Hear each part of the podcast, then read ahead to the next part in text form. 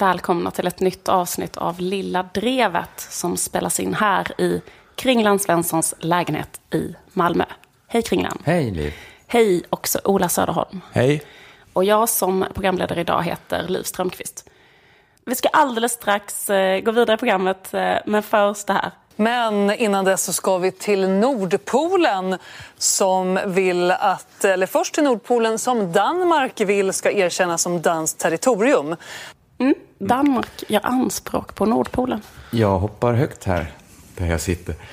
Först det att det handlar om artisten Nordpolen. Ja, den här sura göteborgaren. Eller han är inte från Göteborg. Han är från Uppsala. Han, fast, Men, men, egentligen kanske dansk. mentalt är han en sånt surt emo som har gått på Samskolan i Göteborg. Mm. Men han föddes i fel stad. Men är detta en sann nyhet? Att Danmark ska kolonial... Koloni... Ta den tid, Nej, jag, ta den tid. jag tar inte om det Det här. är podcast, vi har alltid i världen. Det är långsamhetens lov.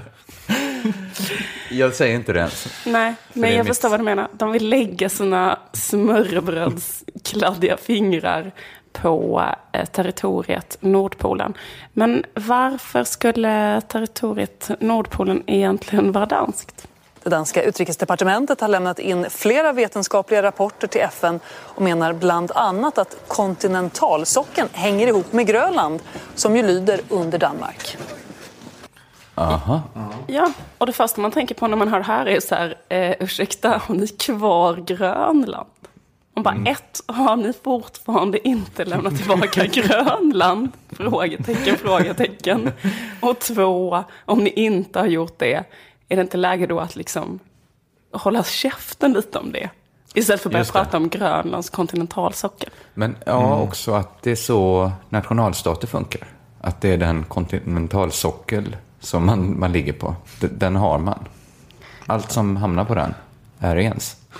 Ja, just det. Det är inte som det här med eh, folksjälen som kanske Sverigedemokraterna pratar om, som vi nog kommer återkomma till senare Det i programmet. vi definitivt göra. Utan att det är kontinentalsockeln. Så funkar med den danska nationalismen.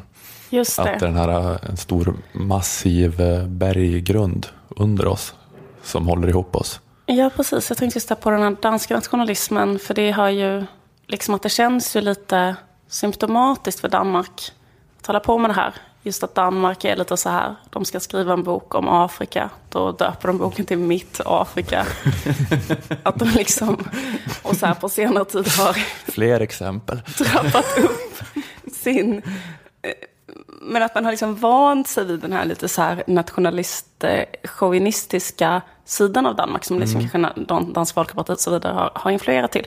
Men just att de nu då inte bara tänker sitta där och rasistmumla om vilka ord de liksom fortfarande ska få använda i sina barnböcker eller hålla på att marknadsföra Lille Svarte Sambon uttryck eh, överallt och så vidare. Utan de går liksom vidare nu då. Och jag tänker att det här kanske då bara är början på att bli en mycket mer sån gammaldags också nationalchauvinistisk stat.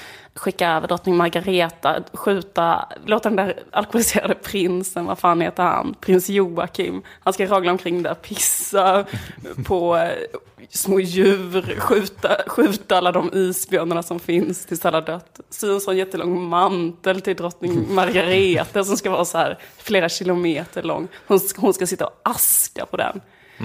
Och döpa om hela Nordpolen till eh, Norddanmark. San, eh, Norddanmark. Eller efter någon dansk, älskad dansk. Sanne Salomonsen-landet. Men ja, för det väck... Det, alltså, vad ska de med? Bortsett från de här skämtexemplen du tog nu. Vad ska de, men jag vet inte så mycket om Nordpolen. Mer än att det är något magnetiskt centrum. Ja, det är en väldigt konstig nyhet faktiskt. Alltså, just det att göra anspråk på, på Lebensraum. Det är inte något man har hört så ofta de senaste decennierna. Tillräckligt ofta. Ibland, jo men inte, ja, men det är ändå, Inte från Danmark så mycket. Nej. Nej, inte från eh, ändå europeiska länder. De senaste 70 åren har det ändå varit lite... Nej, Ing, Ingenting man, man, man säger, pratar så högt om i alla fall. Nej, men precis, men skulle man hålla på med något så skulle det vara så här, va, just den här grejen, varför har ni fortfarande kvar Grönland? Men det känns ju som att det är så jävla kall fråga för dem. De fortsätter Ja. Och vill ha, nej men precis, eh, men de sa ju, de sa ju sådana saker, nu har inte jag klippt ut det, men eh, de fortsätter ju säga så här, ja men det är för att vi ska ha mer internationell power typ. För då har vi större landområden och det, Det är för att vi vill ju. bli en större spelare och sånt. Det bara sa de utan att, Ja, utan precis. hymla. Men jag, Alltså, ja, det, det var faktiskt konstigt, jag såg också det. Att det var det, så här, alltså, anledningen till att vi vill göra det här, det är bara för att vi vill ha mer makt. Vi älskar en- makt, en vi härlig- är makthungriga. så, så att det inte då, alltså, om ni tycker att det var något konstigt, så vi har inte förklara vad, vad våra avsikter är. Det är att vi vill ha makt. men jag känner mig väldigt dum nu, för vem tillhör Nordpolen nu? Ingen. Det är sitt eget. Ja, det är sitt eget, men det finns då någon form av konflikt där eh, både Ryssland och Kanada tydligen har eh, någon form av intresse. Och jag vet inte varför det har kommit upp på tapeten nu, Nej, liksom det- just Där nu. dyker ju Danmark borde ha... upp som en otippad spelare. Jag gissar att det är oljeborrning. Ja, det har varit en, en slags herrelös hund på Tellus. Ja, och men det- nu så är det olika som är så här. Det, var, det, det är mitt. Men den har ju varit eh, värdelös. Men det är ju det, klimatförändringarna har gjort att isen, isen har smält och man kan tydligen borra efter olja där isen har smält. Det är ju det som är någon slags kapplöpning om Arktis. Så glaset var halvfullt där, tänkte alla. När de märkte att isarna smalt. Vi, vi har ju fokuserat så mycket på de negativa effekterna. Men alltså, många har tydligen liksom gjort lite anspråk på just Kanada och Ryssland, men tydligen väldigt mycket mer modesta anspråk. Typ så här eh, sagt så här, kanske skulle ni kunna tänka er att det kanske skulle kunna vara, även Ryssland har varit liksom ne- nertonade om man jämför med det här. Som anses vara ganska, Putin säga? skulle inte gå ut och säga jag vill vara en större spelare som folk lyssnar på mer. inte ens Putin säger det. Det krävs liksom, vad heter hon, statsministern, Helle Thorning-Schmidt som kan, som kan ha det liksom grova maktspråket.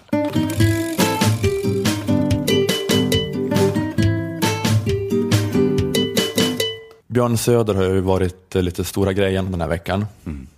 Det tar vi fasta på. Vi har Björn Söder-tema den här veckan i Lilla Drevet, Ja. kan man säga. Vi, vi hyllar Björn Söder. Vi sitter här, vi har på oss klubbblazers, vi har skallepär-peruker. Vi försöker få till den här härligt intensiva pitbull-terrier-utstrålningen. ja, Jag pratar, nej, jag kan inte riktigt ha. ganska bra. Man vill gå fram till honom och lossa på hans slips, tycker jag. Man ska få lite mer luft. Ja, precis. Det är det här äh, att se ut som att man är så, att man är så här spänd i nacken för att det är som att man har ett koppel som nätt och jämnt klarar av att hålla tillbaka en. Att ha den uppsynen. Så här att, men nu, den som håller i kopplet har nu sjukskrivits för utbrändhet. Så nu, liksom, att man, så här, äh, man ska ha den där uppsynen att man när som helst kan göra ett utfall och bita ansiktet av en bebis. Just Det är det. den looken vi sitter här och försöker få till nu. För att vi vi har Björn Söder temafest. Man kanske ska ge lite bakgrund. Björn Söder är ju då Vi Sverige... dricker kaffe ur högarnas krus. Björn Söders favorit, kärl. Men eh, för att ge lite bakgrund så är då Björn Söder Sverigedemokraten som gjort eh, skandal genom att i en intervju i Dagens Nyheter berätta att han är Sverigedemokrat. Det är väl det som har hänt. Eh, De har legat lite lågt med vad som står i principprogrammet senaste åren men nu bara sa han det. Att människorna i Sverige ska inte bara vara svenska medborgare utan de ska också uppfylla de lite mer luddiga kraven. Att eh, själva känna sig som svenskar och av andra uppfattas som svenskar. Ja, precis. Jag tycker det har blivit en liten sammanblandning där av begreppen. Alltså, det var ju Sverigedemokraterna som låtsades att de inte var rasister. Men då har liksom folk blandat ihop det lite så vi andra har också låtsas som att de inte är det. Och måste då bli förvånade när de är det. Det är det som har hänt. Det har varit framgångsrikt av dem. Bra Ja, låtsats. ja, precis. Och då kommer de liksom till den här konstiga situationen att folk kan kräva att någon ska avgå för att den tillhör det partiet den tillhör. Det som har hänt nu. Det är bara att eh, eh, krav på att Björn Söder ska lämna sitt uppdrag som riksdagens andre vice talman Eh, på grund av att han har erkänt att han är sverigedemokrat. Eh, men eh, han sa bland annat i DN-intervjun att människor inte kan ha dubbla nationstillhörigheter. Ehm, Reporten undrar om man inte kan vara både jude och svensk samtidigt. Och Söder svarade att de med judiskt ursprung som blivit svenskar har lämnat sin identitet. Att man kan inte känna samhörighet med den judiska nationen och den svenska nationen samtidigt. Det är antingen eller. Ja, han, var, han var helt enkelt sverigedemokrat. Sa att ett gott samhälle kräver att människorna i Sverige assimileras till en svensk folksjäl och att de avsäger sig eventuella tidigare nationaliteter. Folkens och staternas gränser ska sammanfalla. Men sen så var han med i Aktuellt i måndags Just det. eh, för att förklara sina uttalanden. Eh, Och då var det återigen lite det här då, reträtt till att inte längre erkänna att man är sverigedemokrat. Eh, Programledaren ställde samma fråga om att vara jude och svensk samtidigt, om de utesluter varandra. Men om man känner sig som svensk, men man känner sig också judisk, man känner sig också samisk. Det är inga problem. Det är, upp till, det är inte jag som politiker som ska berätta vad folk känner sig, utan det är upp till var och en. Ja. Och jag, men jag blev så irriterad på Aktuellt programledaren, för att hon högg inte på det att han sa motsatsen i den intervjun. Då sa han att jo, det är upp till mig. Sa han. att dels har jag förmågan att avgöra på vilka sätt det är möjligt för människor att känna identitet och att det är en hörnsten då i, i hans politiska kamp att människor i Sverige ska känna på ett speciellt sätt. Och jag tänker liksom att det är väldigt bra om just det här kommer fram så mycket som möjligt. Eh, att det här är inte bra för SD, den här grejen. Det är inte bra för deras svenssonpotential. Nej. Ja, Ni vet att de, att, så här, att de lovar att göra att man ska slippa ha dåligt samvete över att man är rik när man går runt på stan genom att förbjuda fattiga romer. Alltså det fattar jag att det, det finns en svennepotential i det. Just det. Och att de så här lovar att det kommer finnas nog med pengar att bygga äldreboenden i guld om vi bara stänger av invandringen. Att det finns liksom en populism i det också, den enkla tvåstegsraketen. Eller säga Stopp, så här, stoppa invandring, sen de, pengar. De som kommer hit är de som har mycket pengar att ta, alla de pengarna och ge dem till de som bor där. Och sen stänga gränserna. Ja, det finns sve- Mm. tydlig svennepotential. Ja, men det är en populism man kan fatta Ja. gå hem. Men det här folk och nationsmystiken, jag tror inte ens att det är populism, det är bara weird för folk. Alltså tanken på att man inte själv kan välja hur man vill identifiera sig. Att det inte är upp till var och en att ha en känsla för mycket eller lite svensk eller jude eller kurd eller whatever man är, utan att politiker ska recensera den känslan. Alltså det är så, så i grunden antiliberalt tankesätt att det bara är rimligt för de här hardcore SD-arna Ja, men det, är som, det är som det här med Höganäskrusen, liksom, när, de ska, när de börjar resonera om sånt. Alltså vad är det, att han sa där i- DN-intervjun att det vanliga folket, eller allmogen, som Björn Söder kallar det. Ja, där tappar han ju många som inte vill identifiera sig som allmoge. Men det tycker jag är lite Vad de obehagligt. gillar. Eh, Det tycker jag också är faktiskt lite obehagligt med det här. Att det är så att de har ju sagt det så jättemånga gånger, hetsat så fruktansvärt mycket mot muslimer och sagt så här, muslimer är det största hat, hotet mot civilisationen, de ska inte bo här, de kan inte bo med andra människor, eller med svenskar då, och så vidare. Och då liksom att man har, eh, men att det liksom kommer en väldigt mycket starkare reaktion när de börjar prata om samer eller judar eller så. Alltså förlåt, men eh, jag kan känna lite att det också är så här, att det liksom är på något sätt mer sanktionerat att eh, ha så här irrationella, eh, eh, liksom biologistgrundade känslor inför muslimer. Ehm, men eh, det SD menar är ju att uh, svenskhet är något mer än medborgarskapet. Och det är det väl i och för sig. Alltså det är klart att uh, svenskhet finns ungefär på samma sätt som att punken finns. Eller hur? Det kan ju vara jättekul att diskutera vad som är äkta och vad som är typiskt. Men det är en Fredrik Lindström-fråga. Liksom, det är inte en så mysig fråga för den lagstiftande församlingen. Eh, Men det jag inte fattar är att eh, så många motdebattörer, att det är så många som inte har klarat av att eh, säga det här. Jag vet inte om det, att, att de i Sverige är svenskar på så vis att de är svenska medborgare och i övrigt tänker jag inte lägga mig i hur de väljer att definiera sig. Eh, Att det blir sådana så här absurda diskussioner de man säger emot Björn Söder genom att säga samer är visst svenskar, kurder är visst svenskar, Zlatan är visst svensk. Då att man så accepterar premissen för debatten. Mm, jag hörde en same på radion som sa att eh, vi var här först, så det är mer vårt land än Björn Söders. Och då tycker jag man har accepterat premissen ett varv för mycket nästan. Eller? Ja, precis.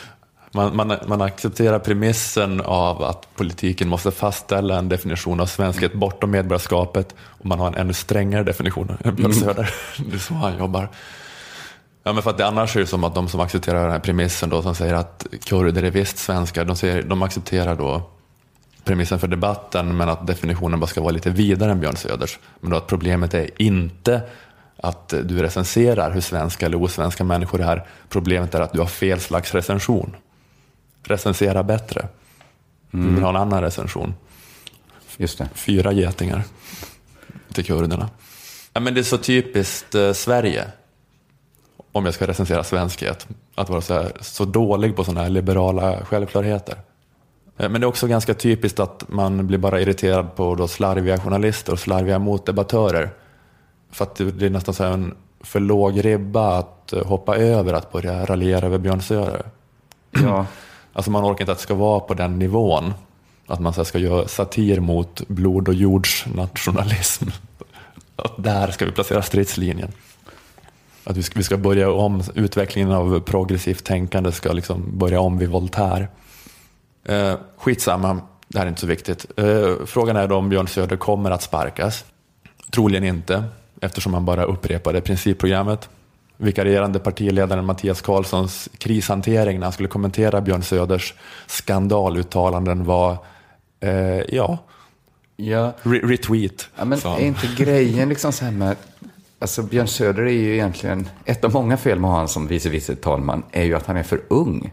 Det är ju en post där man liksom är färdig som liksom aktiv politiker. När man liksom har tröttnat på att ta den här typen av fighter så blir det liksom automatiskt ett lite mer apolitiskt ämbete. Men han är ju liksom i, han står ju på kulmen av sin politiska karriär. Vad, vad fan ska han göra som talman? Ja. Där är, alltså han borde ju avgå av det. Han borde ju aldrig ha tillträtt av det själv. Han skulle bara sagt så här. Men den här landshövdingsposten ger mig. Jag är ju för ung. Det är som att han skulle vara med i Stjärnan på slottet nu. Ja, men han är väl eh, ganska gammal för att vara sverigedemokrat. De- är ju så jäkla unga allihopa. Han är född 76. De är 12 i snitt. Och snittåldern är 12. Han är den som är- ålderman. Han är gammelsmurfen i, i den byn. Och så finns det också jättegamla. Det är väl bara finns jätte, jätte, jättegamla och jätte, jätte, jätte unga. Fast det finns ett sånt glapp däremellan. Det finns väl också så här 90 plus. Just Finns det det i, bland politikerna? Inte, i Inte, inte bland riksdagsgruppen? aktiva. de Men svenskarna som stred för Hitler, sådana dyker ju upp ibland. Men ja, jag vet inte. Ja, men han har väl en gammal själ kanske. Han har en vice vice talmans själ. Ja, Men sen har han det här politiska djuret i sig som, som vill ut och hugga. precis. Slita sig lös från kopplet och bara... hugga av en samens ansikte. ja, Men det, är han lite, är... men det funderar lite på vad han skulle kunna göra om han ändå skulle avpoliteras. Men då skulle han kanske kunna vara husdjur åt en mc-kille.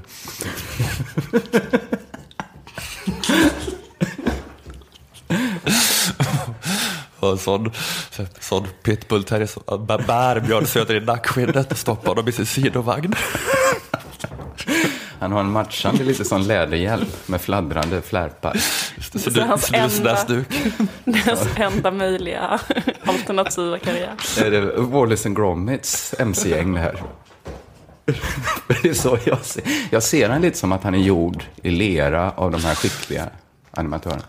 Ja, men jag tänkte, han skulle också kunna spela så här lynnig bad guy i brittisk socialrealism.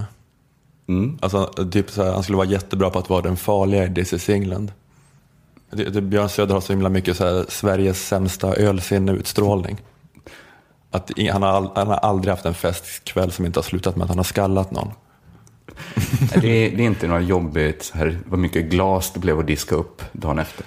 För det är ingen som dricker i glas på hans fester, tänker jag. Nej, just det. Jag fick förklara mitt på- påstående där, för jag insåg att det var otydligt. Det är så himla konstigt kränka Björn Söder. Av allt man kan säga om honom så säger du han har fester där folk Han inte dricker dricker ur di- direkt i glas. burken, dricker. Som en riktig slusk. Men han har sådär ryckiga, Nej, ryckiga rörelser och pratar högt plötsligt när han är full. Så när han kommer in i rummet så, bara, så blir det kallare på något sätt. Det blir noll grader Kelvin. Alltså han kommer fram och så nyper den i båda kinderna, drar, drar sitt ansikte närmare honom så här och stirrar på en. Och då är det så här 50-50 om man så här ska skalla en eller brista ut i ett stort skratt och krama en, så här, dunka en i ryggen. Plockar fram en jättestor åltårta som han gömt bakom ryggen. Och så är stämningen varm igen. Ja. Fan vad lättlurad du är sen. Man skrämmer dig så lätt. Varför rycker Och bara, tar han, sen bara tar han ålen och bara daskar i ansiktet på en. Sen bara, ja, nej men precis. Vad gör Sen- du med sen- min ål? Nu är ålen sönder. Fan vad äckligt det luktar. Det här ska du betala för. Skojar bara. Nej, jag vet inte om han är så. Jag fick faktiskt känslan av att han var så här, eh, det jag fick känslan av när han började stå där och mala Aktuellt-studion om så här, ehm, vad är svenskhet? Då tänkte jag så, på, så himla mycket på sådana killar eller sådana, och, det finns också tjejer. Men eh, alltså att människor har, kan vara så att de har för mycket ett favoritämne. Vet ni vad jag menar? Man sitter typ så på en fest eller på en efterfest, så kanske någon är tyst ända tills den på något sätt kan komma in på liksom så det enda den egentligen vill prata om. Och det kanske är så här fildelning och sådär. Och då bara no. sitter den och pratar och pratar och pratar och pratar och pratar och pratar om det. Och den är inte på festen för att, absolut inte för att exempel ragga, absolut inte för att dansa. Mm. Man är på en efterfest och den bara går från person till person och mal om sitt jävla ämne, vad det nu är. Det är, det är oftast fildelning eller marijuana-legalisering. Ja, men precis. Eller något liksom. Så går den bara och ska mumla liksom om, eller ska gå och debattera. Folk, människa efter människa liksom somnar, bara av, går därifrån och så bara går den vidare och vidare klockan fem på kvällen, står under fläkten och pratar med någon 17, 16, 17-årig tjej som har råkat gå fel. Så här. Och så tänker jag att Björn Söder har varit sedan han var jätteung med just frågan så här, vem är en svensk? Ja. Eh, att han har varit så i Lund, han liksom ändlösa timmar. För jag tyckte att han hade alldeles för mycket, han hade alldeles för mycket info, han hade tänkt på det för mycket. Man märkte direkt han ställde sig i Aktuellt, så tänkte jag så här, bara att ta, bara att, som när använde någon människa någon gång, liksom på ett naturligt sätt, ordet same, så här, i en mening. Alltså det är inte någonting. Det är väl inte så konstigt. Ja, men det är inte någonting folk pratar om i 100% vanligt samtal. Eller ljud för den Alltså så här, när kommer det upp? Liksom, har du någon gång tänkt ett extra varv på om en same är svensk. Så jag tänkte så här, har du, att han hade ja, tänkt ja, ja, på det. så, han hade typ suttit och tänkt för mycket på sådana saker. Och bara det, alltså jag tänker så här, bara en människa som liksom eh, har haft en total eh, fixering ända sedan en sån BSS-tid. Ja. Eh, ja, precis. Ja, men... jag, jag ser ändå Mattias Karlsson lite mer som den där nörden. Björn Söder är mer någon så här, eh, krigare på något sätt. Jag tror han är både hjärna och muskler. Ja. Mm. Men mest hund.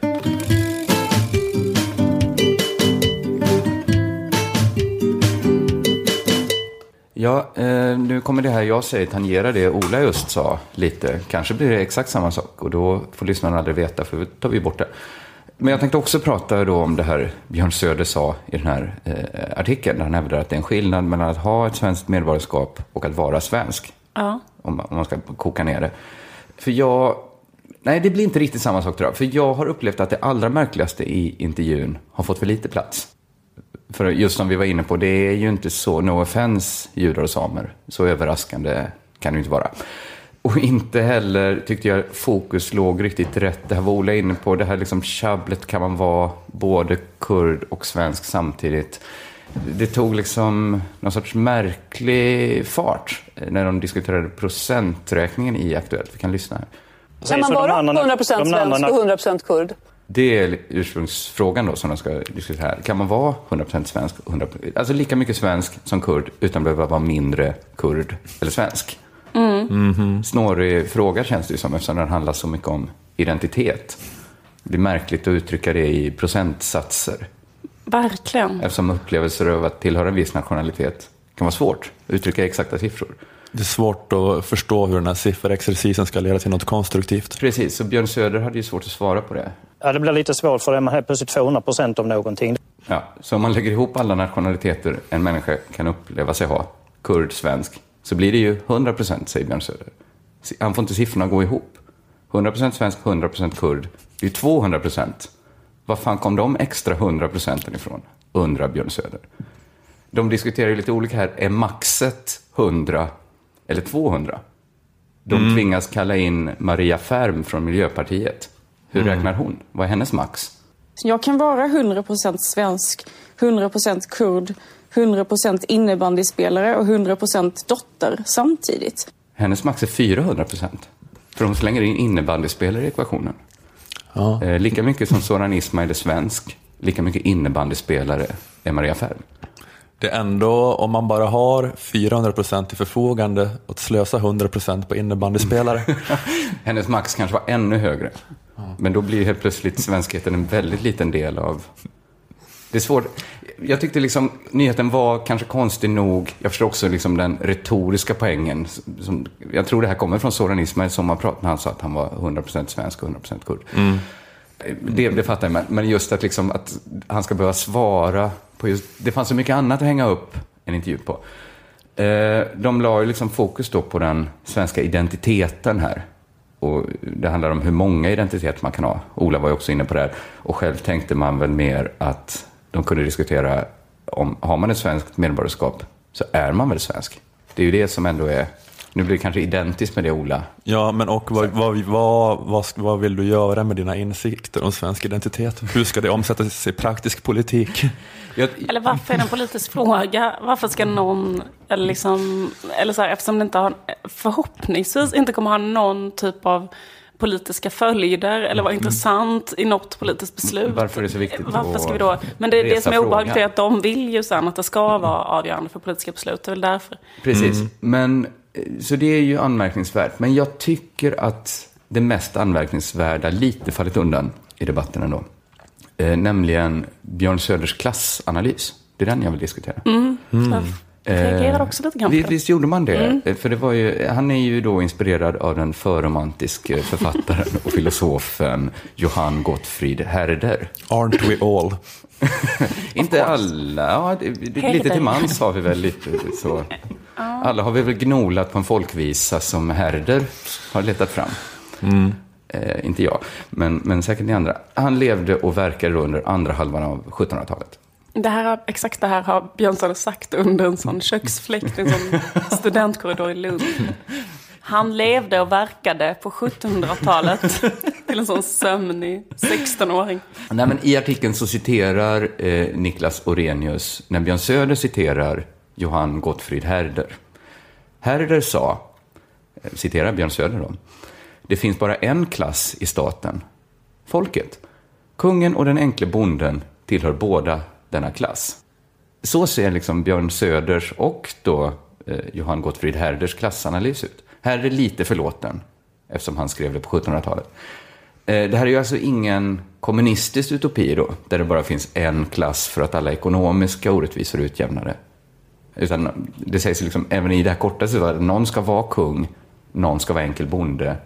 Men det finns ändå inte flera klasser, inga konkurrerande intressen mellan olika klasser. Hela den här grejen med att det finns klasser med olika intressen där kanske en jobbar på en fabrik, en äger fabriken och de har liksom deras idéer om vad som vore bra för dem står liksom mot varandra. Eh, ja, men det är, ja, precis. Men det är, att det är allas intresse med det hierarkiska klassystemet. Det är bra för alla. Det är väl det som är den ideologin. Att det är bra med den ordningen. intresset är ju nationen och den rådande ordningen då, antar jag. Som Ja, nationen precis. tjänar till att de att känner sig som bröder och systrar för att de har samma nationalitet. Precis, och det som är De är som bra... bara som barn samma Det som är bra för kungen är bra för landet och då blir det bra för mig. Antar jag. Det, var, det märks ju också lite grann eh, när Niklas Orenius frågade måste man vara nationalist och få vara riktigt svensk? Och då svarade Björn Söder absolut eh, inte. Att man kan vara sinsemellan olika, så att, att du och jag är jätteolika. Alltså underförstått, du är liksom en förtappad kulturmarxist, PK-idiot. Men vi delar ändå någon slags eh, eh, gemensamma, jag vet inte om man uttryckte det flummigt på något sätt, någon gemensam essens, sådär, någon slags kulturella koder. Och så, Alla svenskar har en gemensam botten kanske. Ja, och, men det säger verkligen något att just att det bandet är så mycket viktigare än allt annat. Även, även om att Niklas Orenius och Björn Söder står väldigt långt ifrån varandra då i den här gruppen svenskar.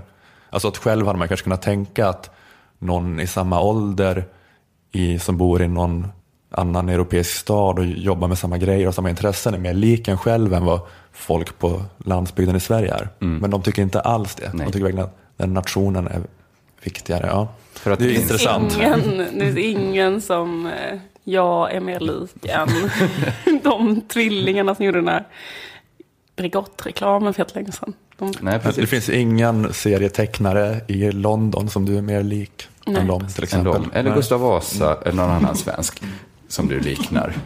Det finns alltså bara en klass och det är alltså inte svenskt medborgarskap som ger en tillträde till den klassen utan att du har en svensk identitet. Om du upplever och upplevs vara svensk. Det är ju som att någon skulle vara otroligt identitetspolitisk, men inte det minsta vänster. Att den svenska identiteten skulle vara det enda som är väsentligt. Man upplever sig vara svensk, man delar svenska erfarenheter. Om någon kommer utifrån med andra erfarenheter så kan den aldrig riktigt känna hur det är att vara svensk på riktigt. Det går liksom inte att kommunicera den här erfarenheten över nationsgränserna. Speciellt då inte om man inte ser ut som Björn Söder. Då har man inte erfarenheten av att ha blivit svenskifierad. Det är väl därför all identitetspolitik som är något att ha måste vara vänster. Eller måste liksom i alla fall ta, ta in några andra perspektiv än identiteten. Du, du menar att annars i slutändan så blir den här etnonationalismen, SDs etnonationalism? Det måste, det, jag kan inte se det på något annat. Alltså det här är inget angrepp mot identitetsrörelsen, för den är ju i regel vänster.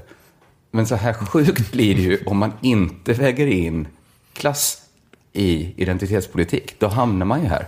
Men jag tycker det är så konstigt också, för det låter ju också bara som ett enda stort jävla mys. här, Liksom, vi är bara, det finns ingen skillnad mellan kungen och bonden, vi är bara en klass. Och är vi bara, skulle vi bara vara svenskar här så skulle det inte finnas några problem. Men samtidigt så har ju de superstarka åsikter kring hur de svenskarna som är här ska tycka och tänka och vad de ska vad som är dåligt och degenererat och osvenskt och så vidare. Så det, ja. Nej, det är så konstigt. Men, men det var ju det också, det var ju det jag sa till Niklas Orrenius att jag har mycket problem med sådana som dig. Men det, den är så villkorslös ändå, den här, det här bandet, den här kärleken i att du ändå är svensk. Så att det står ändå över det. Men jag tror man måste ha den här Johan Gottfried Herders identitetspolitiska uppfattningen som Björn Söder har för att förstå det här. Kan det vara så att eh, Björn Söder menar att vi, vårt nationella intresse och vårt klassintresse sammanfaller eftersom att vi som svenskar tillhör en global överklass, även arbetarklassen, och exploaterar tredje världen? Mm, nej. Ja, Nej, förmodligen inte. Nej, tror inte det ändå.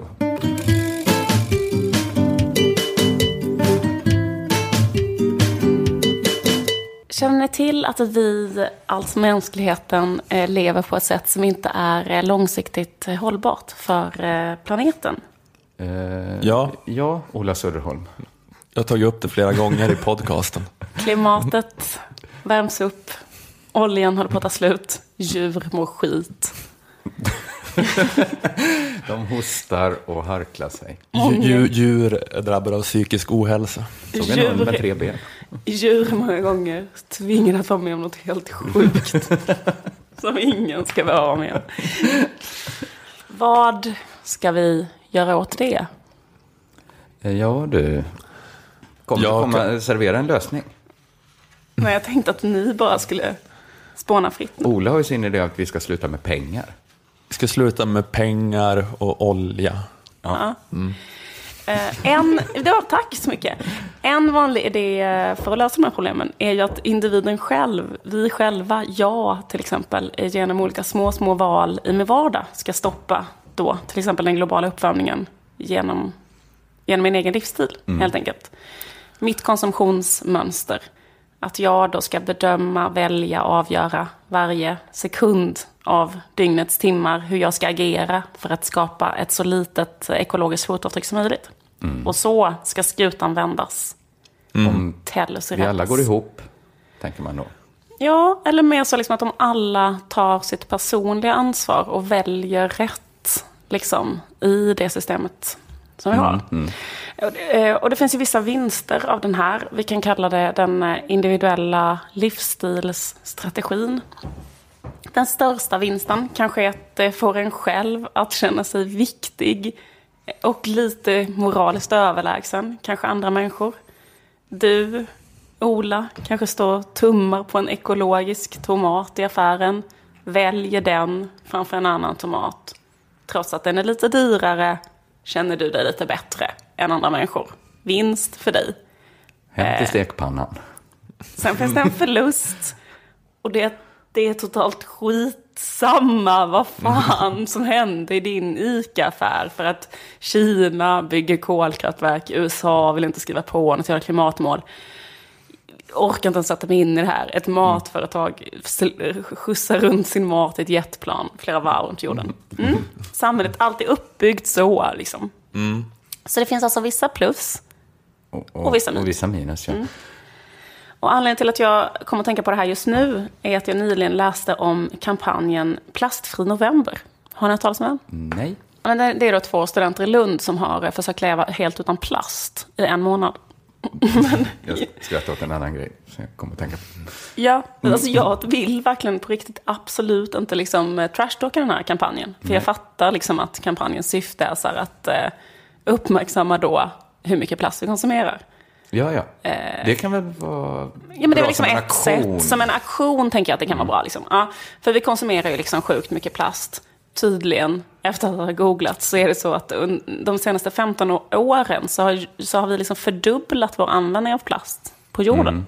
Men man tänker ändå inte att eh, när kvartalsrapporterna kommer och plastbolagen studerar dem så ser de att det är en dipp i november. Vad fan är det här? Och så felsöker de och hittar två killar i Lund som, slut, som börjar ta tygkasse med sig Ja, just det. till affären. Bara två tjejer kring den. Så om du skulle sluta, kunna sluta vara så fördomsfull. Sluta köna plastfri november-aktivisterna. Men eh, ja, just det, precis. Eh, Då kommer inte plastföretag sluta göra plast och börja med tyg istället. Nej, precis. Ett, det finns olika problem med plast. Eh, Det bidrar jättemycket till global uppvärmning. För man använder ju olja med plast. Och det bryts aldrig ner. Ett sånt litet sugrör som ditt barn, mitt barn till exempel, dricker en liten juicepaket, kastar han det i ett dike. Hans barn, barn, barn, barn, barn, barns, barn, barns, barns kanariefågel kan sen sätta fragment av det plastsugröret Och det är i halsen ingens och dö. ansvar att det plastsugröret hamnar i diket. Eh, jo, det, det är mitt fel. Och jag tar på mig det. Men, eh, jo, men så är det massa grejer. De är, det är alltid kvar och det, det läcker också lite andra miljögifter. Det finns massa sjuka grejer med plast och så vidare. Mm. Eh, så därför är det kanske är bra då att visa det genom att försöka leva utan plast helt och hållet i en månad. För det som hände de här människorna är att det går ju inte att leva utan plast i det här samhället. Därför att det, det är plast i allt. Alltså de kunde till exempel inte köpa några kläder. Man kan göra det en månad kanske, men det, det är liksom... De var tvungna att göra så här, vi fick ha kvar de grejerna av plast. Men jag tänker att du skulle ta bort Jaha, de skulle ta allt bort av... också det som redan fanns. Nej, nej. Alltså, de sa att de fick ha kvar de grejerna. För annars hade de inte kunnat till exempel ha tandkräm eller en tandborste. Ja. Eller liksom typ en lampa. Jag menar, allting är gjort av plast. Mm. Ni måste gå med på att allt är gjort. Ja, Det går ifall man, ifall man menar att man inte ska lyssna på just det skivan plast i en månad. Det går Kan, inte. kan, kan ge, då, kan ge tip, det tipset till de här tjejerna ifall. Då vill jag ha lite enklare uppgift nästa november. Det är liksom till exempel så här. Lev utan plast. Lev utan, det, det här är det andra bandordvitsen i dagens lilla drevet. Jag inledde väldigt starkt med att låtsas som att Danmark ville annektera bandet Nordpolen. och nu kontra Då- Ola. starkt. det är väldigt bra. Eh, hur som helst, de kunde köpa några kläder för att kläder har eh, ofta en liten prislapp som är fäst med en liten plastgrej. Ja, det är så himla petigt. Precis. Eh, De kan inte köpa någonting som är förpackat i en plastförpackning. Tänker mycket. Just det. Inga pappersförpackningar heller, för de är jätteofta så laminerade på insidan. Mjölkpaket till exempel. Just det, så här inte mjölken ska rinna ut på golvet. Just det, men även så här paket med skorpor till exempel. Eller något sånt där som kanske är papppåse. Även liksom många brödpåsar med laminerade på insidan. Och eh, man kan inte heller köpa en glasburk med någonting i. För att glasburken har ofta lite plast eh, lamine, laminat uppe i sitt lock. Ja, just det. Förlåt att det här är väldigt tråkigt. Nej, det är bra information. Ja, men Ja, det, men är, det är det är just det där med, det, Man börjar svår, tänka på det. Ja. Mm, det är svårt att köpa mat, att gå i mataffären. Ja, man tänker liksom ens dagliga inköp, vad man handlar, om man då inte skulle få använda plast, så skulle det vara väldigt, väldigt... Eh, det, det som händer är att man kan inte köpa någonting. Nej. De, Um... Så de dog, de här två. de dog och... Eh, precis. Nej, det låter också som vi driver med dem, men, men det, är ju, det är väl är jättebra nej, nej, men jag, initiativ? nej, men jag är Nej. helt... Jag, jag, jag, mitt, jag kan inte driva med detta, Nej. jag tänker driva med en annan sak som kommer komma här. Mm. För att, vad ska vi säga? Jag, men jag tycker det är jättebra som aktion, därför att det visar allt det här samhället gjort av plast, bla bla bla. Slutsatsen borde ju då vara till exempel så här, nu behöver vi bygga upp samhället på ett annat sätt, lite strukturella åtgärder kanske för att ändra eh, den här uppbyggnaden. Och då tänker jag så här, typ storskaliga politiska idéer, planer, strategier, lagar, ny teknik, den typen av åtgärder. Opinion som driver fram detta. Och att det såklart måste skötas på ett politiskt plan och inte på ett personligt plan. Det måste vara det som är slutsatsen av en jävla plastfri november. Men var det slutsatsen av plastfri november? Nej, för då läser jag en artikel i ETC där man uppmärksammar den här kampanjen. Och då, då skriver man istället en lista med tips på hur alla läsare ska hålla på att leva plastfritt. Spetsa öronen, för nu ska jag läsa upp delar av den här listan. Kringlan Ola. Det tillverkas 288 miljoner ton plast varje år. Hur ska vi sluta med det? 1. Köp en tandborste tillverkad av trä. Det var ett tips. Jag vet inte hur borsten ska vara, också kanske av trä. 2. Använd bandage istället för plåster. Ja, det är inte min stora plastutgiftspost. Just plåster. Eh, 3. Sista tipset jag tänker ta upp här. Eh, häfta och nålar istället för att tejpa. Om möjligt, lägger de till. Så det är ett väldigt modest krav kan jag tycka från början. Men sen att man också lägger till om möjligt. Ja. Så det är så här, om du verkligen, verkligen behöver tejpa. Där man kan ersätta Tejp. ett häftstift med tejp. Kan man. Ja, men hur kan de skriva det här i ETC? Men inte de alltid sådana? Att man ska bygga sina egna solceller och trampa igång sin dator själv och allt sånt. Det är väl deras... Är det så? Ja, Okej. Men Jag tänkte att det mer var så här vänsteranalys, att det är mer det här men det som det du som sa jag politiska beslut, att det är sånt, ja, min fördom säger att de skriver om. För det här, det, här, det här är ju så hemskt att skriva så här. Det här är verkligen hemskt. Det här är ju så här meningslösheten destillerad. Det är så här, sluta använd kondom. Gör istället finska riket. För i, fast bara i november. Bestämmer för att, nej men, nej men jag vet inte, nej men det är klart man kan göra, man kan göra det. Men det blir mer att när jag tycker man ska marknadsföra det så ska man i så fall marknadsföra det som en hobby. Eller ett sätt att fylla sin dag. Eller ett sätt att mysa. Det är ett jävla mys att gå runt där och peta i affären och ta bort. Man har en kompis med sig, man har kul liksom att göra något, någon uppgift eller en, det är liksom mer den karaktären. Och det är inte jag emot alls. Nej, det tycker nej, jag man kan nej. få göra för att det är mysigt typ. Men om man vill att det inte ska produceras så jävla mycket plast, då måste man göra något annat. Ja, ja, ja. Då måste man kräva politiska beslut. Och det går inte heller, så då, det är lika gärna, man kan lika gärna kan lika gärna alltihopa. köra på Men eh, plast då. Förlåt att jag liksom klagar på dem som försöker, göra, försöker inte använda tejp. Liksom. Det, det är klart att det är bra också. Liksom. Är Fast ibland kan jag fan tänka att det inte är bättre. För det gör att man tror att man håller på med samhällsförändring när man absolut inte gör det. Man håller bara på med sin egen livsstil och sitt konstiga mys. Mm. Fuck you! Nej, men det var det vi inte skulle hamna.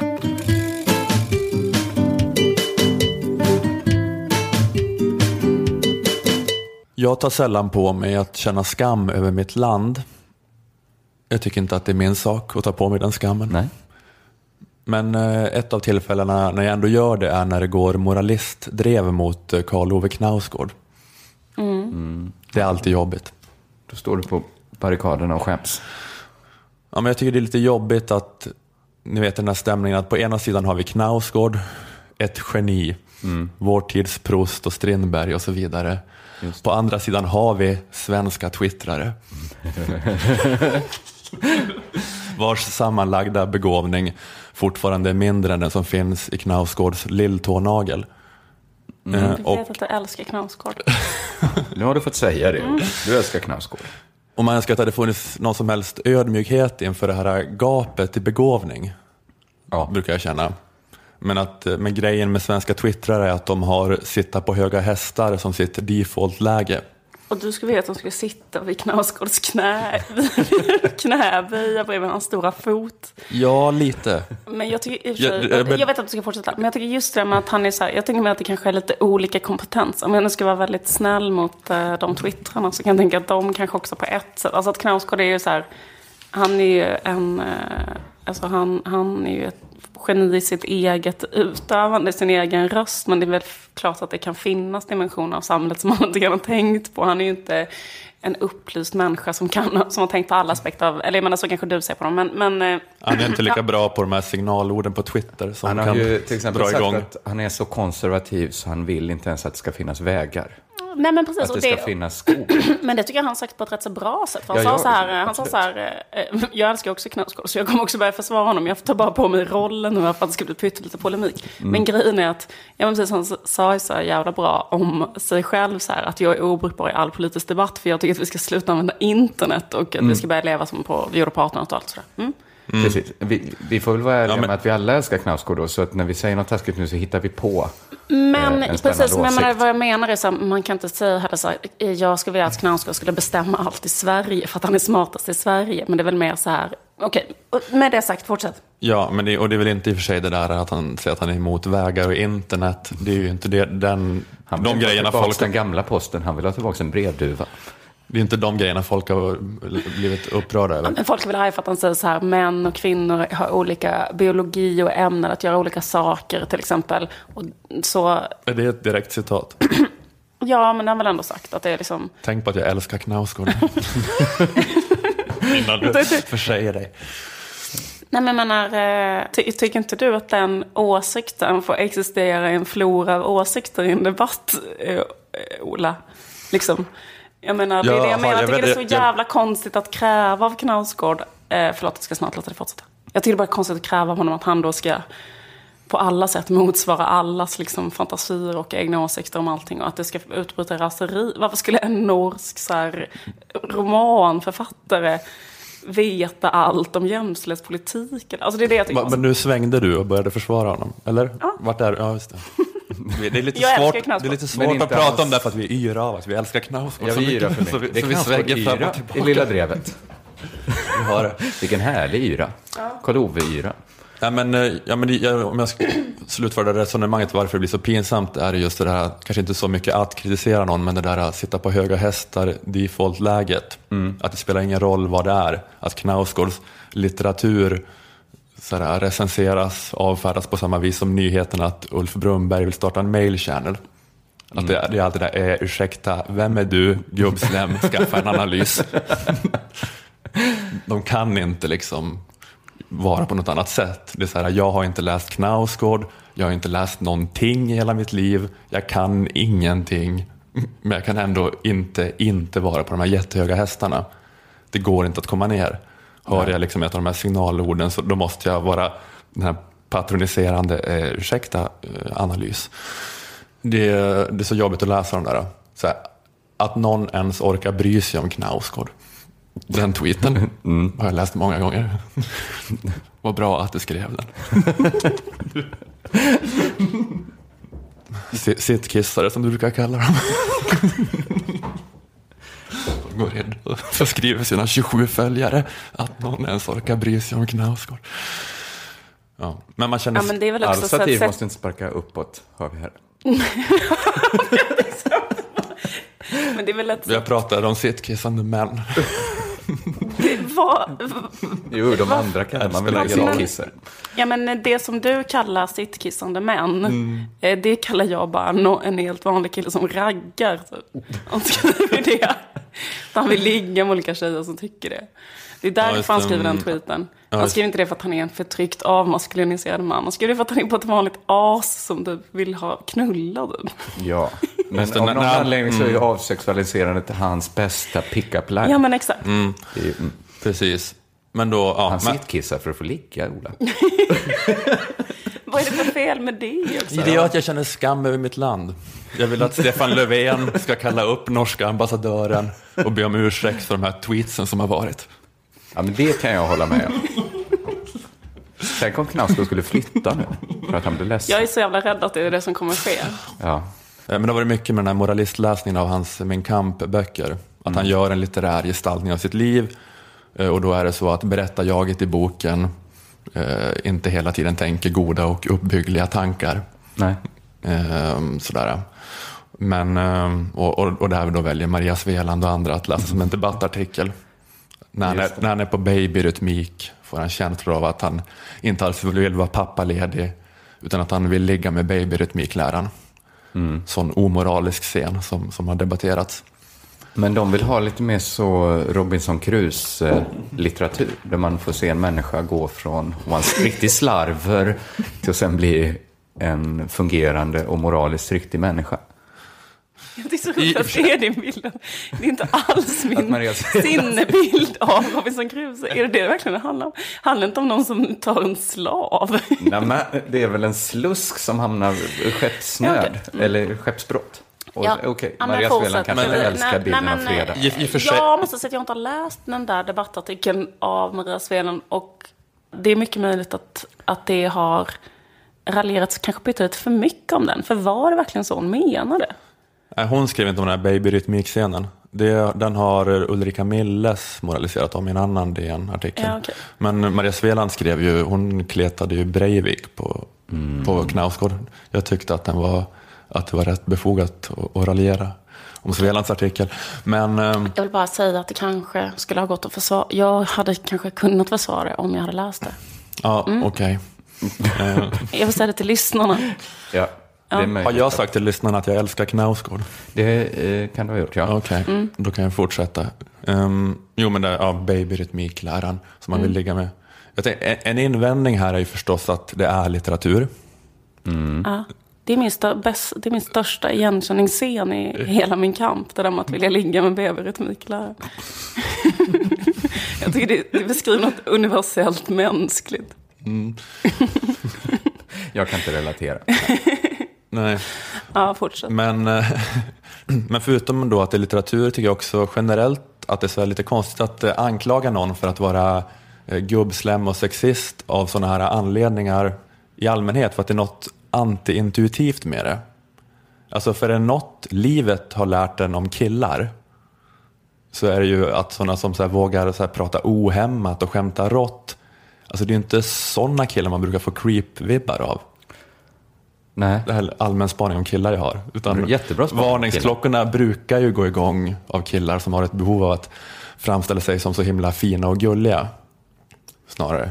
Eller så, alltså, som så här vill... Jag tappar mig lite nu på den spaningen. Eller, ja, men kanske, Jag men, tror det kan vara liksom lite både och. Jag kan- Man kan få creeps. Jag tycker inte det är, den, liksom, det är inte den totala skiljelinjen mellan vilka man får creeps av. Nej, jag tycker inte vi ska, vi ska inte göra politik av det här eller så, Nej. men, eh, ja, men eh, inte att man är bara fin och gullig, men sådana som så här, eh, inte vill kännas vid att det finns ett mörker och så här, alls på något vis och inte kan så här, prata om det. Och, Ja. eh, Du tänker på typ Kapten Klänning, typ. att han hade sådana workshops som...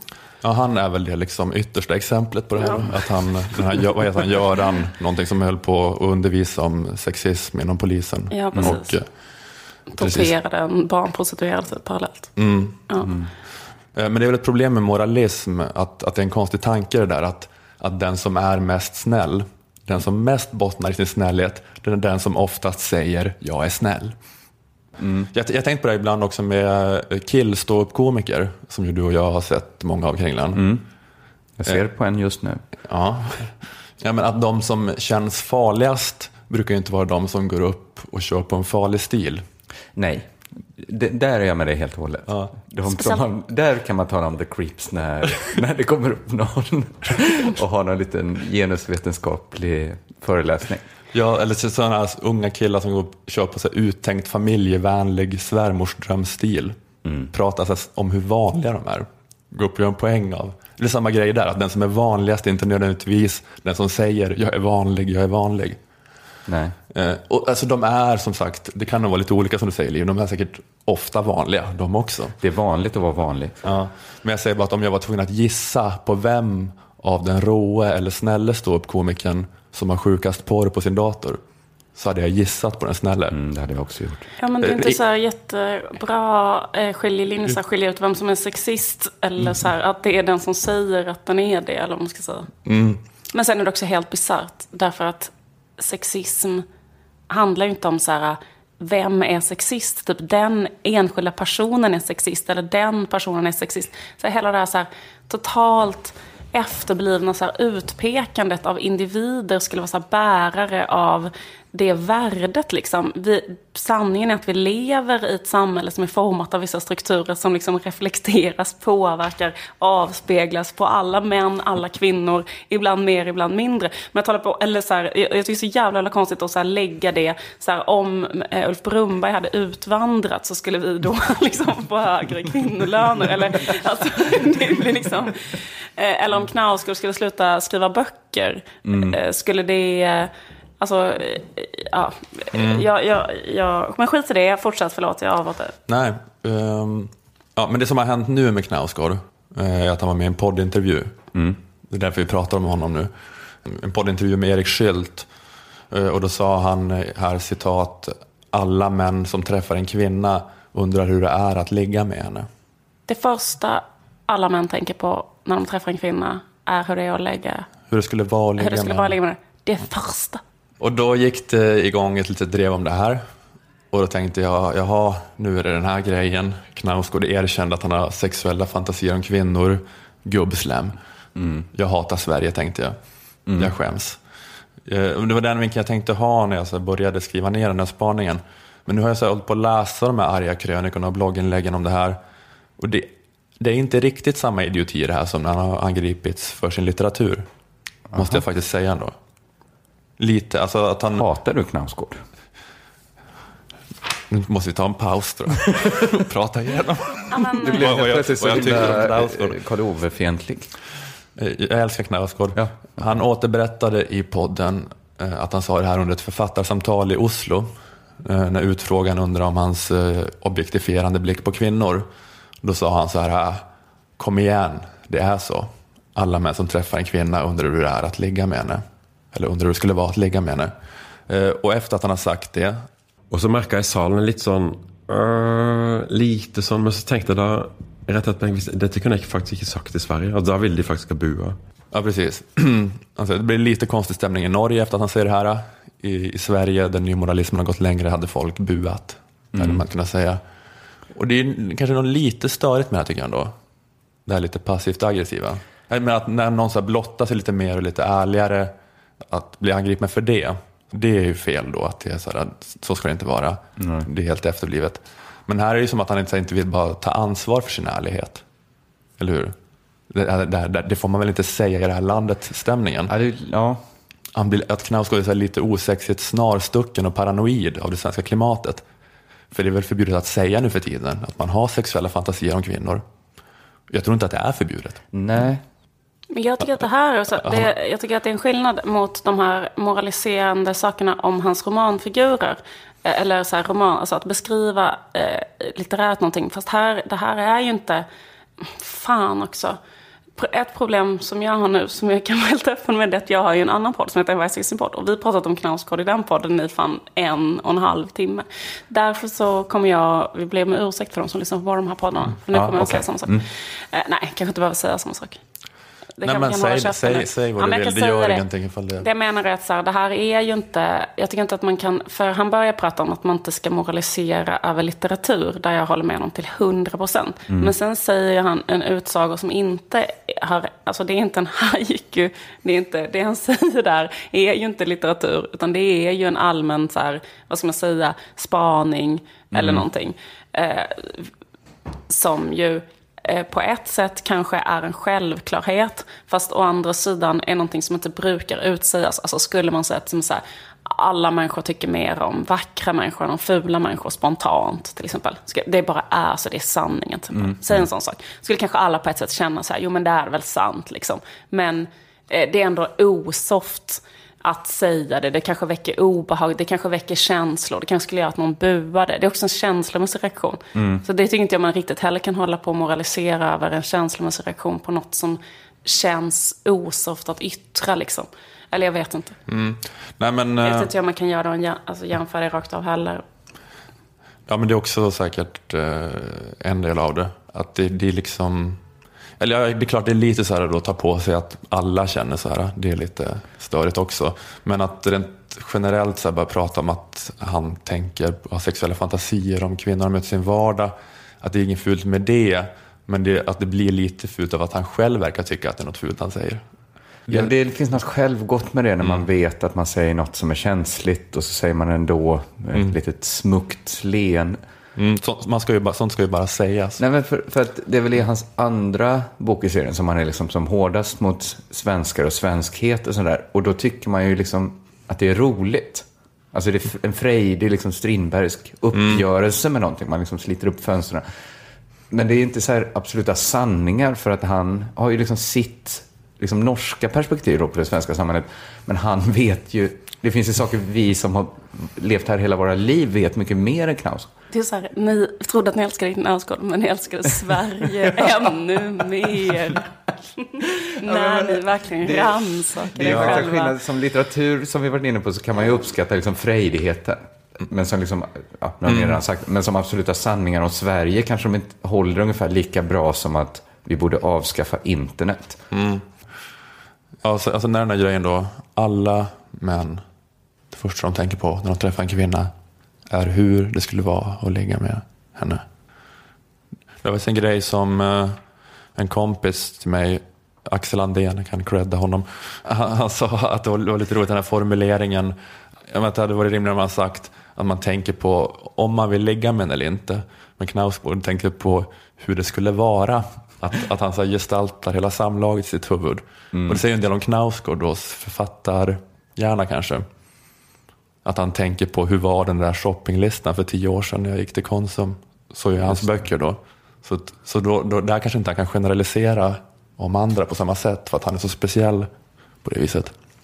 Man tänker, hur ska jag minnas det här? Nej, men jag tänkte 25 också år. på det för att... eh, Vad jag men- fantiserar om att göra med den här kvinnan. Nej men alltså, jag tror det kanske skulle vara mer rimligt att säga så att det kanske på något plan alltid pågår någon typ av sexuell värdering eh, som alla håller på med på något omedvetet plan eh, så när, man, när folk träffas. Men det var också konstigt att att tänka så himla mycket på alla. För man själv kan inte undgå att tänka på så här när jag har sett honom, träffat honom eh, två gånger i olika författarsamtal. Till exempel så hade han en, en lång, eh, blev intervjuad av en tant som var ordförande för Bergman-sällskapet, en, en lång intervju. Och då tänker jag så här, tänkte, tänkte han verkligen så här då, hur är det att ligga med den här tanten Sällskapet? Hela, hela intervjun och sen alla kvinnor i hela publiken, det var bara kvinnor, alla äldre kvinnor som går på Bergmanveckan och, och sen... Du hörde hur det hon viskades som- i bänkraderna. Ja, ni- ja, ja, de vill ju självklart ligga med honom. Men jag tänker också att det här, eh, det är ju någonting som alltid omsusar honom. Att så här, eh, han är väldigt så här, begärd sexuellt av, av kulturkvinnor.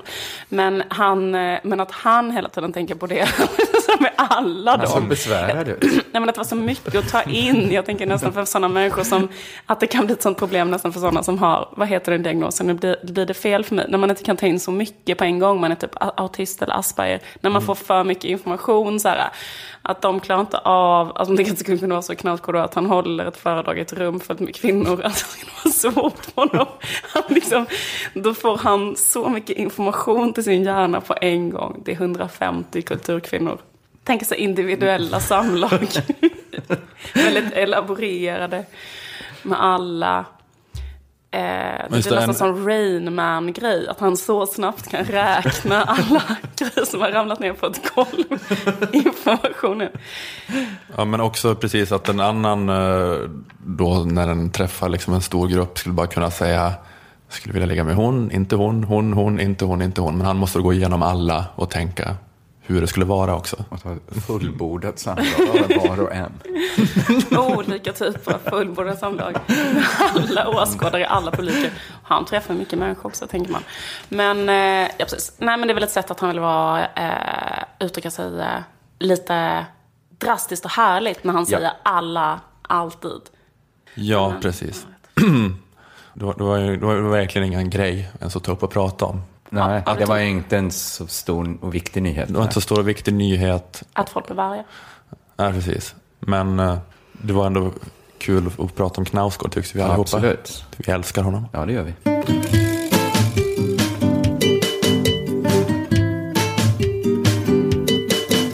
Eh, Jag kände bara så här att eftersom det är en Björn Söder special, det här programmet, det är det inte. Men eh, jag tänkte ändå prata pyttelite till om, om Björn Söder och Sverigedemokraterna. För det, en sak slog mig, eh, jag, jag kom att tänka på en sak när jag läste de här artiklarna, om när jag läste psykologi.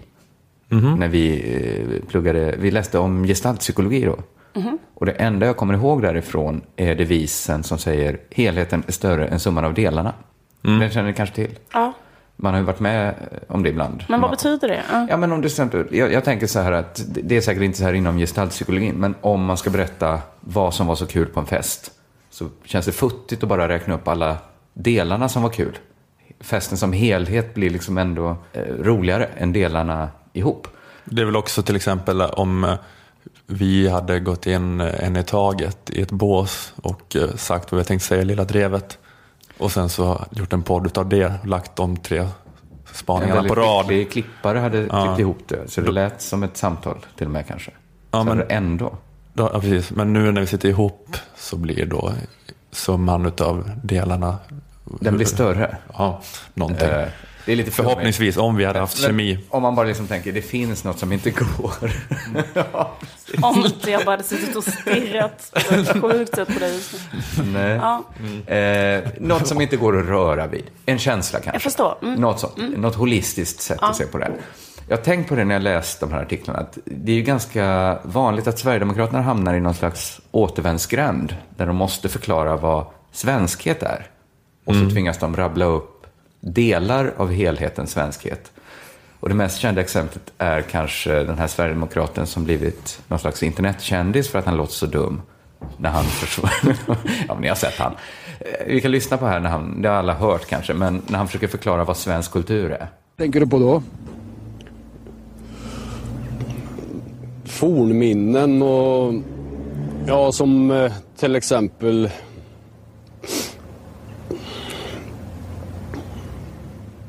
julafton och midsommarafton. Mm, han täcker liksom, han kommer inte åt helheten, svenskhet riktigt där. Fast egentligen så fattar ju vi vad de menar när de säger svensk kultur. Vi fattar ju att det är det här luddiga hopkoket av folkdans, vikingar, Carl Larsson, Bosse Larsson, knätofsar, all, allt det där liksom.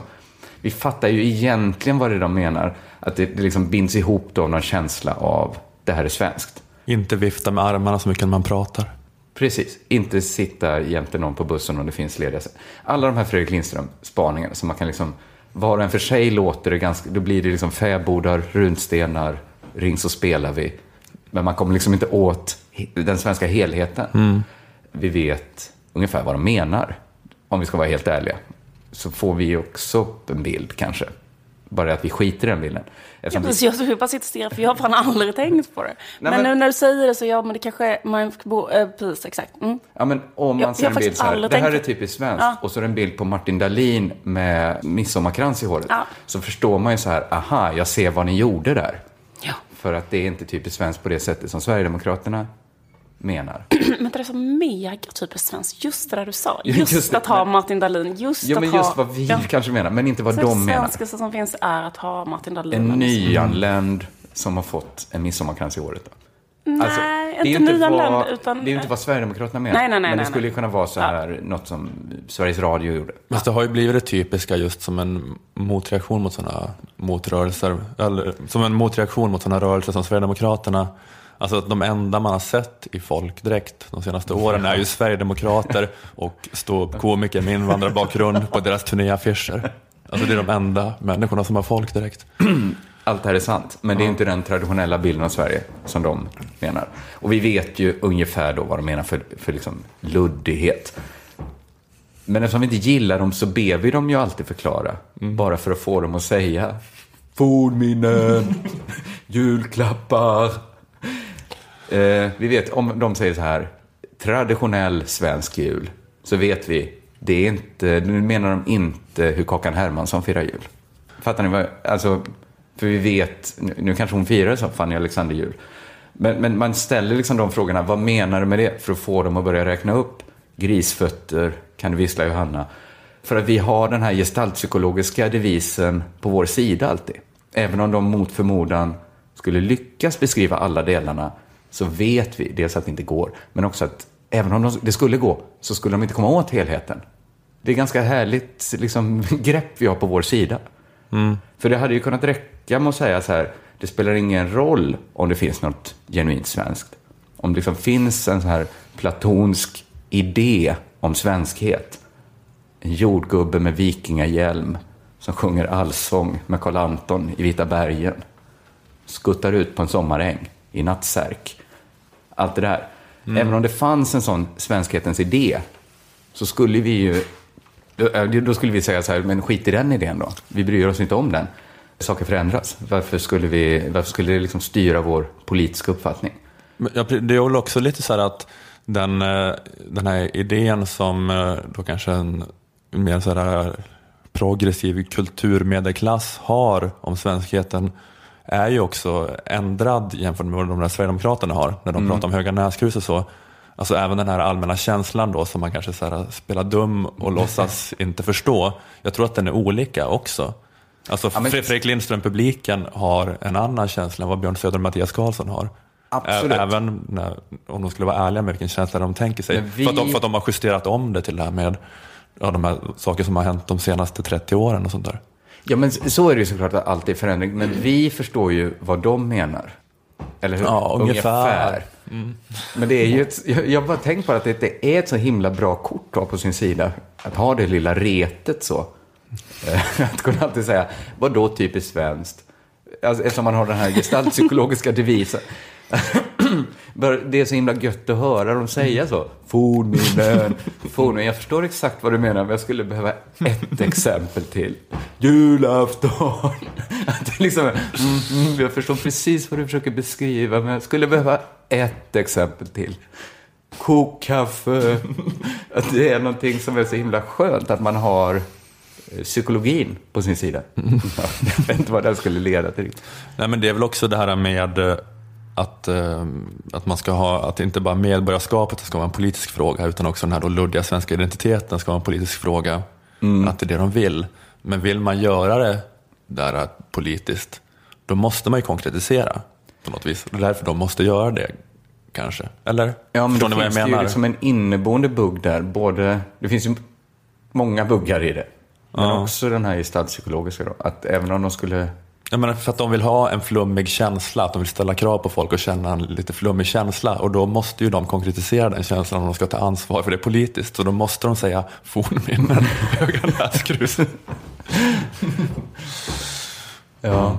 Jag blev på lite gott humör av det. Synd att det inte hjälper så mycket. Att det fortfarande är så framgångsrikt att säga så. Vi ska ha bevara fäbodar i Hälsingland. Ja, men jag Jag är tror, själv svinintresserad av exakt sådana där grejer. Jag älskar så här runstenar och fäbodar, folkdräkt och sånt. Men, eh, eller liksom, ja, men jag vet inte.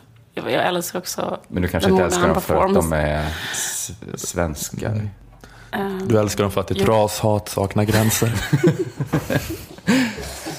Du älskar dem för att runstenar kan viska till dig hur du ska leva ditt liv. Och vilka människor som har rätt att vara i det här landet. Vad sa du Rudsteder? Inga polacker? Okej.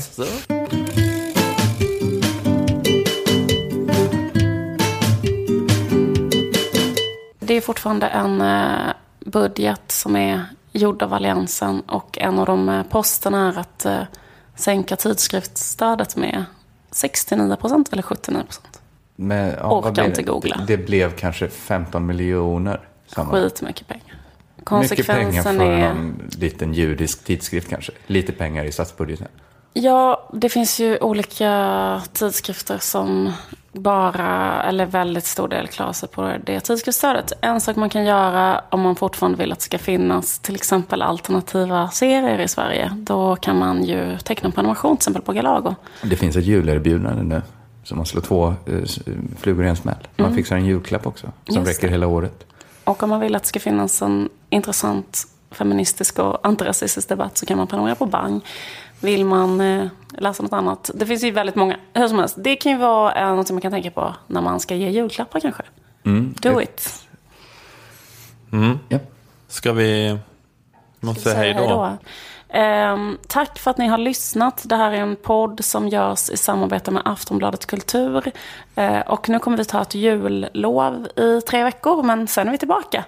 Så eh, ha det så fint. Det, det är Gå- två avsnitt som utgår. Vi har, bara, vi har ledigt i två veckor. Två jag. veckor. Okej, två Men, veckor. fast det blir, ja, nästa avsnitt kommer komma 9 januari, tror jag. Ha det så bra tills dess. Tack för att ni lyssnar. Hej då. Hej då. Hej då.